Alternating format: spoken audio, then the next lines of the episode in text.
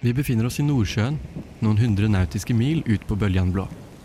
Her er det værhardt, det er høye bølger, og opp av havet reiser de seg som gigantiske tårn av stål og betong. Petroleumsplattformene.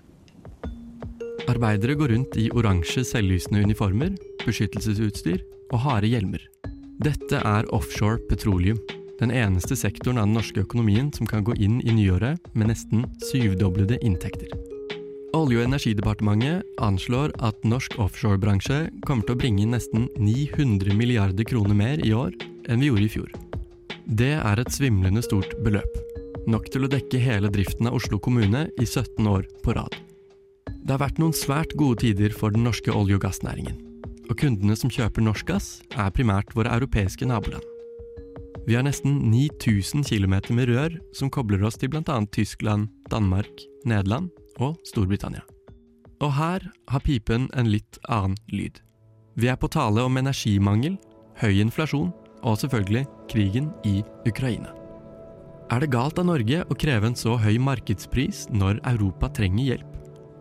Når Russlands gass er vekk, er det vi som da casher inn på Putins krig? Det begynte med at energiministre i 14 EU-land, deriblant Frankrike, Italia, Spania og Polen, undertegnet et brev som var adressert til Ursula von der Leyen, EU-kommisjonens president. Stikkordet var pristak, eller price cap, en øvre grense for prisen av gass, både på import og for landene seg imellom. I finans- og energiverden sier man gjerne at prisen på gass er utrolig avgjørende for hva energi og strøm koster, mer helhetlig. Alle industribedrifter betaler jo sine energiregninger for å gå rundt. Logikken er at når energi blir dyrere, ja, da stiger alle priser på alt. Enten det er biler, kaffe eller frossenpizza. Dette er inflasjon, med andre ord. I tillegg brukes jo selvfølgelig gass til å varme opp europeiske hus over vinteren, men det tror jeg du er kjent med fra før av. Dersom EU skulle innføre et pristak, ville det naturligvis fått konsekvenser for Norges inntjening i Nordsjøen. I september kunne vi lese at verken regjeringen Støre eller Høyre i opposisjon ønsker noe slikt. Men mye tyder likevel på at Norge og EU må til forhandlingsbordet før eller siden. På en eller annen måte. I går kom EU-kommisjonen med en helt ny energipakke. En sammensatt plan for å få bukt med den økonomiske usikkerheten som er forårsaket av krigen, og lavere gasstilførsel. For å unngå mangel på gass og rasjonering over vinteren har våre europeiske naboland gått inn for å fylle gasslagrene sine.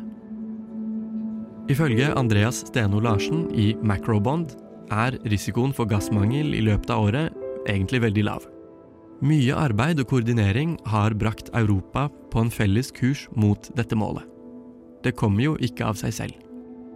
Og ifølge The Guardian ligger EU nå på 92% kapasitet i gasslagrene sine. Det betrygger nok mange, men det har kostet dyrt. Ifølge hans beregninger leverer Norge nå en tredjedel av EUs gassbehov.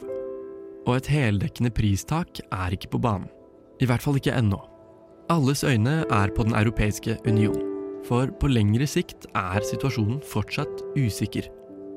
I utkastet som ble lansert i går, skal det inkludere et dynamisk pristak på Europas største gassbørs, TTF, i Nederland. Her handler man det som kalles LNG, liquid natural gas, altså flytende gass, som fraktes rundt på tankskip til europeiske havner.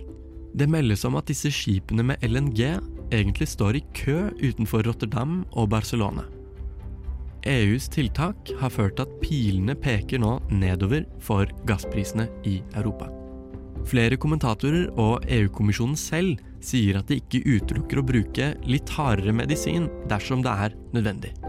Det sender et kraftig signal til Norge om at prisfesten kanskje kommer til en slutt. Én ting er iallfall sikkert. Med 900 milliarder ekstra i overskudd har Norge på sett og vis blitt rikere. I en tid der våre naboer har fått en nokså kald skulder fra våre politikere.